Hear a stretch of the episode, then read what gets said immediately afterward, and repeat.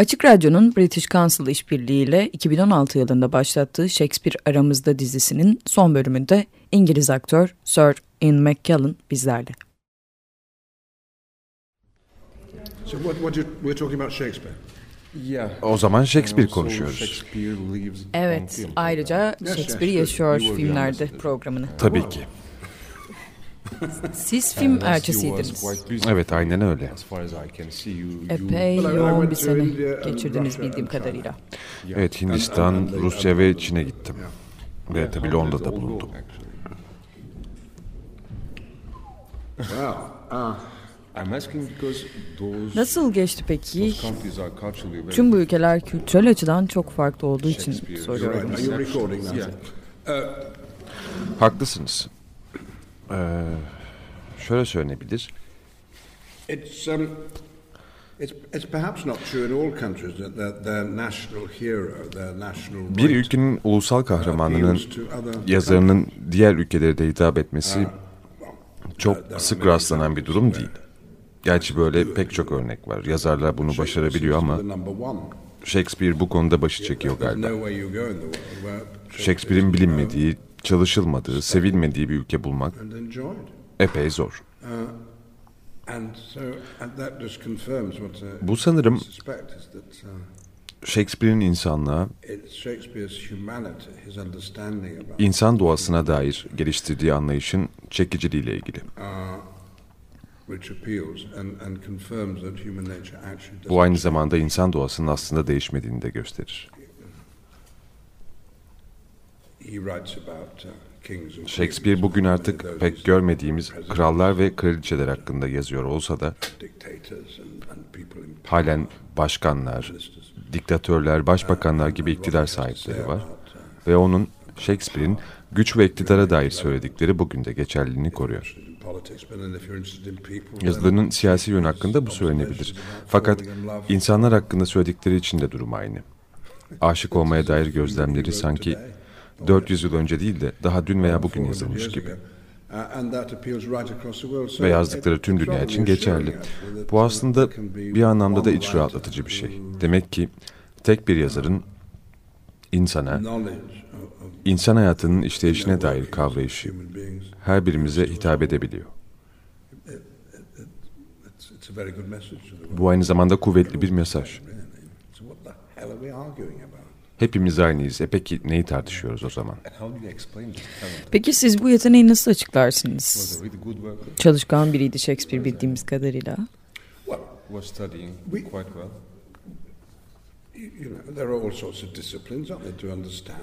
İnsanın kendisini anlaması için birçok disiplin mevcut. Din mesela dünyaya nasıl uyum sağlayacağınla ilgilidir. Psikoloji, psikiyatri, aşk, dostluk ve diğer ilişkiler. Tüm bu saydıklarım bireyi toplumla ilişkilendirmekle ilgilidir. İşte Shakespeare'in bu konuda muazzam bir yeteneği vardı. Ve benim için en hayranlık verici olansa insan doğasına dair farkındalığını muhteşem bir dille ifade etmiş olmasıdır. and it- it's very subtle. It's Çok ince bir zeka barındıran, hayal gücüyle dolu bir dili var. be understood. Ve sanırım başka dillere çevirdiği zaman bu yönleri çok da iyi anlaşılmaz. Bir seferinde Çehov oynarken durup Çehov gerçekten bunu mu yazmış burada diye sormuştu. Çevirmen de yani ben de bilmiyorum çünkü Rusça bilmiyorum diye vermişti.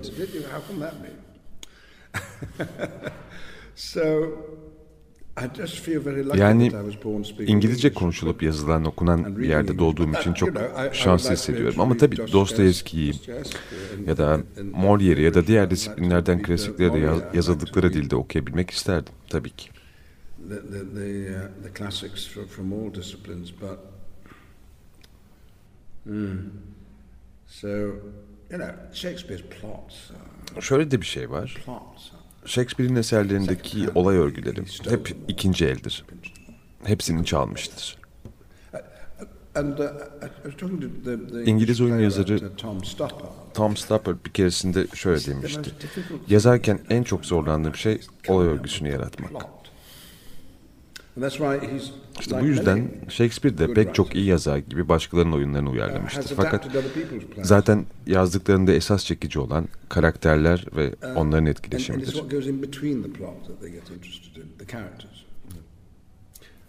Um, I'm probably repeating myself now.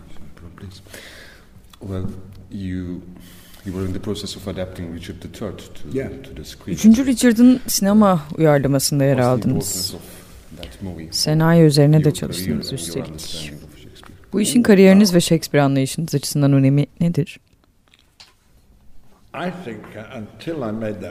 Sanırım şöyle diyebilirim bu filme kadar esas ilgi alanım sinema değil tiyatroydu. Çocukluğumdan beri böyleydi. Annem, babam ve ablamla sinemaya değil tiyatroya giderdik. Oyunculuğa başladığımda da kendimi bir sinema oyuncusu değil, tiyatro oyuncusu olarak görüyordum. Ta ki 3. Richard'ı yapana kadar. Film National Theatre için yaptığım bir oyuna dayanıyordu. Büyük bir turnesi de olmuştu. Türkiye gelememiştik ama Avrupa, Amerika ve Avustralya çapında bir turneydi bu.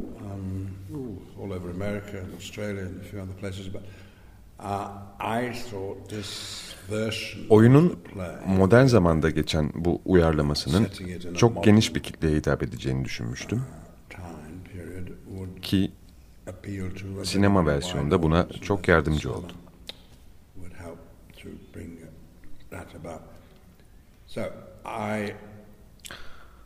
Ben oyunun metnini büktüm ve bozdum film için. Yüzlerce kez oynamış olduğum için oyunu ve karakterleri çok iyi biliyordum. Bu yüzden sinemaya uyarlamak, kamera kullanımının neler getirip götürebileceğini hayal etmek nispeten kolay oldu.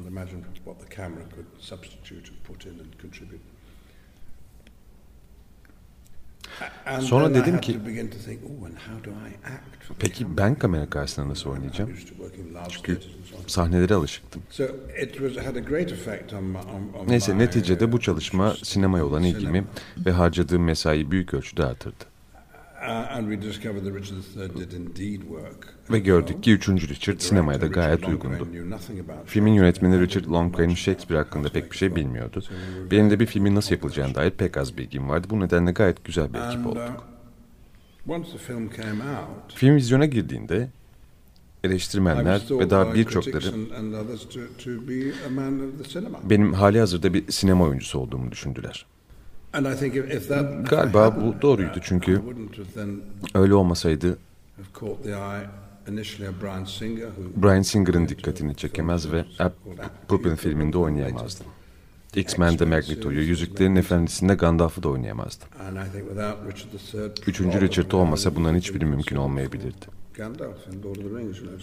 Yani o yapım hayatım ve karakterim için bir dönüm noktasıydı.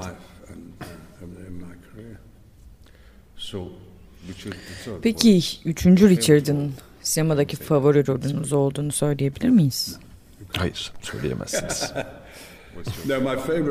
en sevdiğim rol um, um, Gods and Monsters'daki James Whale rolüdür. Uh, Bunun kişisel sebepleri de var tabii ki. James Whale uh, bir tiyatro yönetmeniydi. Sonra sinema yönetmeni oldu. Ve 1930'larda Hollywood'da en çok para kazanan yönetmendi. Frankenstein ve Invisible Man gibi büyük ilgi gören işleri imza attı. Ve gay olduğunu da gizlemiyordu. Ki bu çok sıra dışı bir şeydi. İşte Gods and Monsters onun hayatının son haftalarını anlatıyor.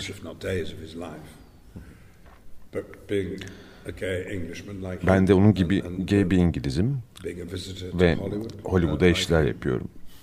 Hayatlarımız birbirine hiç benzemese de bir yakınlık hissediyorum.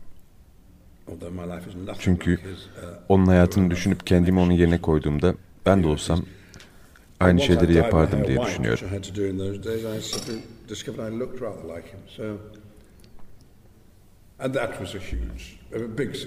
Ama işte film Gods and Monsters çok büyük bir başarı elde etti. Senaryo dalında Oscar ödülü kazandı. Ben de iyi oynamıştım. Ne, neticede bir aşk hikayesiydi ve ağırlığın gay bir karakterde olduğu ilk filmlerden de sanırım. allow a gay character to dominate the film uh, Üstelik ağırlık verilen, vurgulanan da cinsellik değildi. Zaten başlı başına ilgi çekici bir karakterdi. James Wales ve gay olması hikayenin sadece bir parçasıydı. İlk defa gay birisi ciddi alınıyor ve kendi içinde değerlendiriliyor. Her ne kadar filmin sonunda ölse de ki eskiden filmlerde gayler hep hak ettiklerini bulur ve ölürlerdi. Bu film gayleri ayıplayıp yargılamıyordu condemnatory of gay people and that it was a success. And, and evet ve başarılı oldu işte. Ben Oscar adayı gösterildim. Film tüm dünyada çok sevildi. Böylece hayatımın iki yönü beni çok tatmin edecek şekilde bir araya gelmiş oldu. Peki, son soru. Belki biraz kavramsal kalabilir.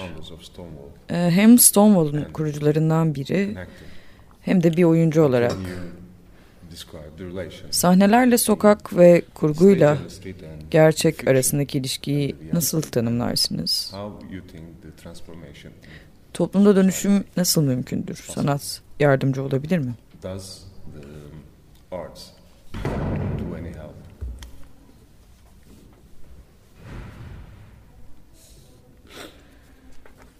Benim eşcinsel hakları hareketine katkım buna tanıklık etmek oldu. Ben neysem oyum. Böyle hissediyorum ve gayim. Siz bununla ne istiyorsanız onu yapın diyorum. Ve dünyadaki herkesin de uh, artık bana verilmiş olan kendim olma özgürlüğüne sahip olmasını isterim.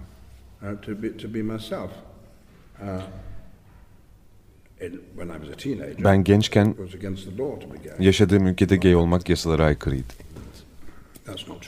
Türkiye'de böyle değil bildiğim kadarıyla.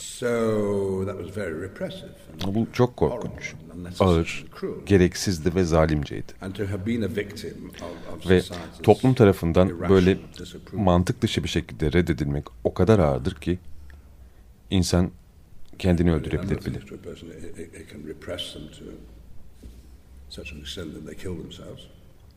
Bense öfkelendim, çok öfkelendim. Uh, Ve bunu kabul etmediğimi söyledim. Ve ülkemdeki gay hakları hareketinin kanun nazarında ilerleme kaydetmesi için yardımlarda bulundum. Peki bir sanatçı, yönetmen, yazar veya romancı olmanın tüm bunlarla ilişkisi nedir?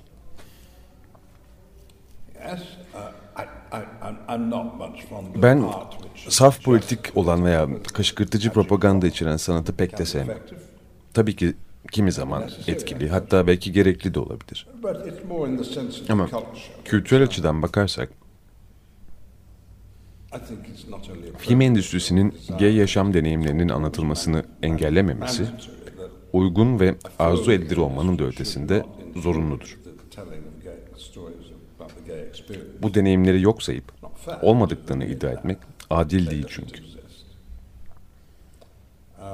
Gay yazarlar yaşadıklarını ve kendilerini göz önünde bulundurup bunu dünyaya anlatıyor ki bu çok önemli bir tanıklık.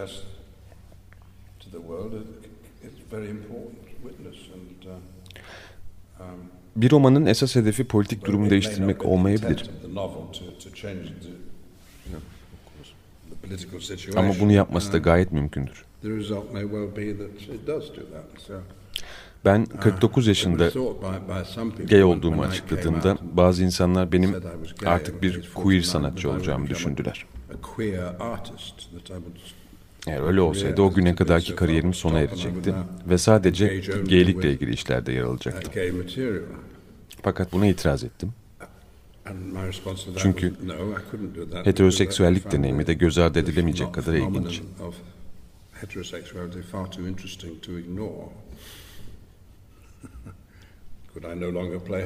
Artık Hamlet, Macbeth veya Kral Lear gibi oyunlarda oynayamayacak mıydım? Mümkün değil. Tabii mesela Coriolanus veya Venedik tacirinde oynamama uygun görürlerdi belki. Çünkü iki oyunda da gay karakterler var. Merchant of Venice that I would perhaps be more alert than most to the fact that both those plays have gay characters in them. Coriolanus ve uh, Thalassophidius arasındaki ilişkide gay aşk vardır mesela. Ki her iki rolde oynadım. Venedik tacindeki Antonio var. Bir de o rolü oynamadım ama. Şöyle başlar. Neden bu kadar kederliyim diye başlar sözü Antonio. Üzüntüsünün sebebi ise erkek arkadaşı Basonio'nun bir kadınla evlenmek istediğini söylemesi ve Antonio'dan da düğünün parasını istemesidir. Of, gerçek bir trajedi değil mi? Komik sayılmaz yani.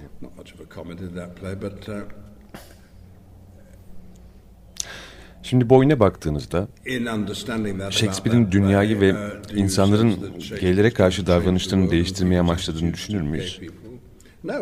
Hayır. O sadece dünyayı olduğu gibi gösterir. Ve bana göre dünyanın nasıl olduğunu göstermek, dünyayı değiştirmenin en iyi yoludur.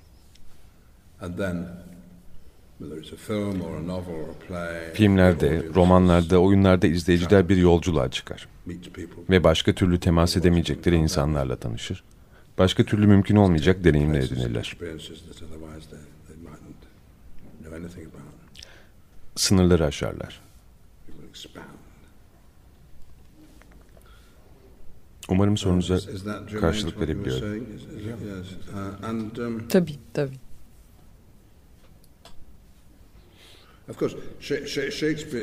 Yani Shakespeare aynı hava gibidir. O bir sıra dağıdır. Vardır ve oradadır. Onunla ne isterseniz yaparsınız. Tepesine tırmanabilir. Kafanızı kaldırıp onu seyredebilir veya tepesinde süzülebilirsiniz. Shakespeare sinemada, tiyatroda ve radyoda temsil edebilirsiniz ve her uyarlama farklı olacaktır. And each will be different. Böyle olabilir. Bu imkanı sağlayan malzemenin doğallığıdır çünkü. Şimdi ve burada oluşudur. Ve çok saçma bir yapımda ortaya çıkabilir. Böyle bir şey izledim yakın zamanda. Londra'da bir üçüncü Richard uyarlamasıydı. Bence tamamen yanlış anlamışlardı. Aptalca ve çiğ buldum bu yapımı. Shakespeare'le hiç alakası yoktu bence. Fakat onlara kızmam da mümkün değil. Çünkü onlar da öyle görüyor. Metin orada duruyor. Bir sonraki gelip farklı bir şey yapacak, yaratacak. Herkes Shakespeare'i kendince sahiplenir. Coriolanus'u sahneye koyduğunuzda bu bir faşizm övgüsü müdür? Yoksa bir komünizm övgüsü müdür? Yoksa bir faşizm veya komünizm yergisi midir? Nedir? İkisi de değil. Ne varsa onu gösteriyor. Ne varsa onu. Ve hayatımızda dünyayı karanlığa gömen, sınırlayan, siyah beyaz gibi gösteren o kadar çok şey var ki.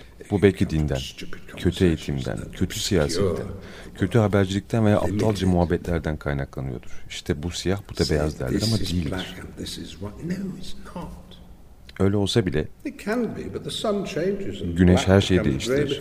Siyahlar gri, griler beyaz, beyazlar altın rengi, altınlar gümüşi olabilir. Ve bana göre Shakespeare'in anladığı şey de buydu. Bana göre tabii.